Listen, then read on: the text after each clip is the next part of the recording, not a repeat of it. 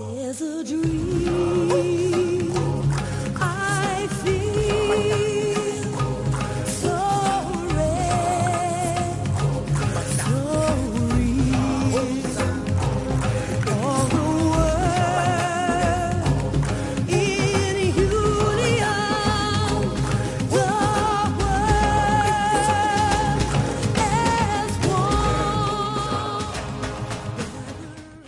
Met World in Union het PJ Powers die skare by Ellis Park op hulle voete gehad.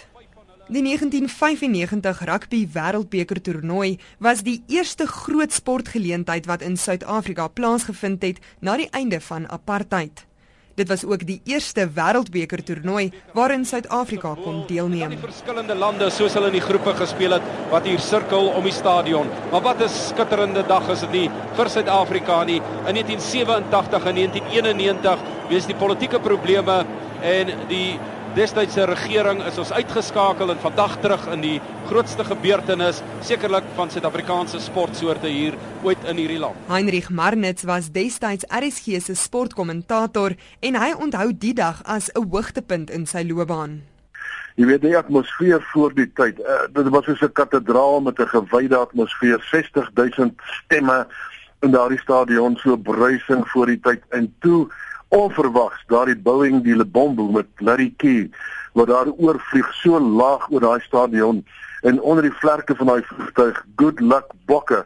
Die uitbarsting in daai stadion die atmosfeer was ongelooflik. Soos 'n ontploffing klink soos die Victoria waterval.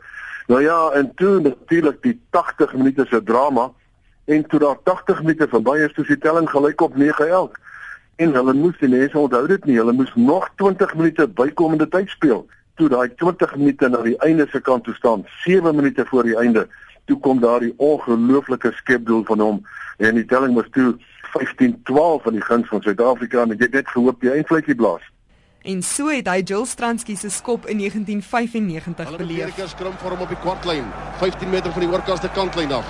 En die telling is 12 elk.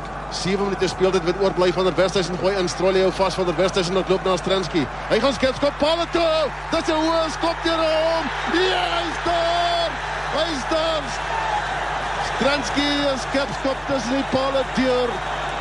Dis ongelooflike oomblikke. Van die veld af was die opwinding duidelik baie groot.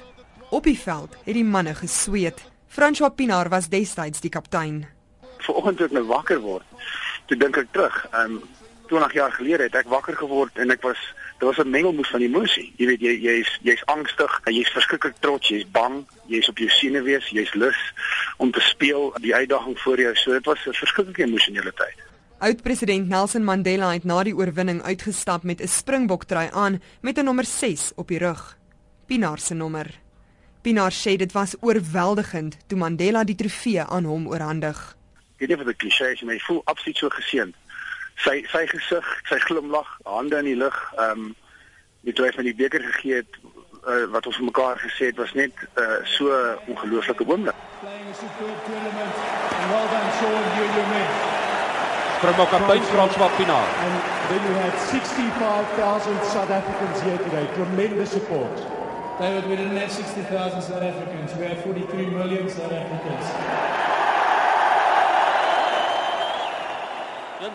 En hoewel Pinaar die 2015 rugby wêreldbeker toernooi heeltemal anders gaan beleef, sien hy baie uit daarna. Die die hele land gaan saam met die bokke vlieg Londen toe in elke wedstryd. Uh, sal ons uh, jy weet skree en en, en bid en hande vashou en en saam met hulle juig. Boom, boom, boom, boom, boom, boom, boom, boom.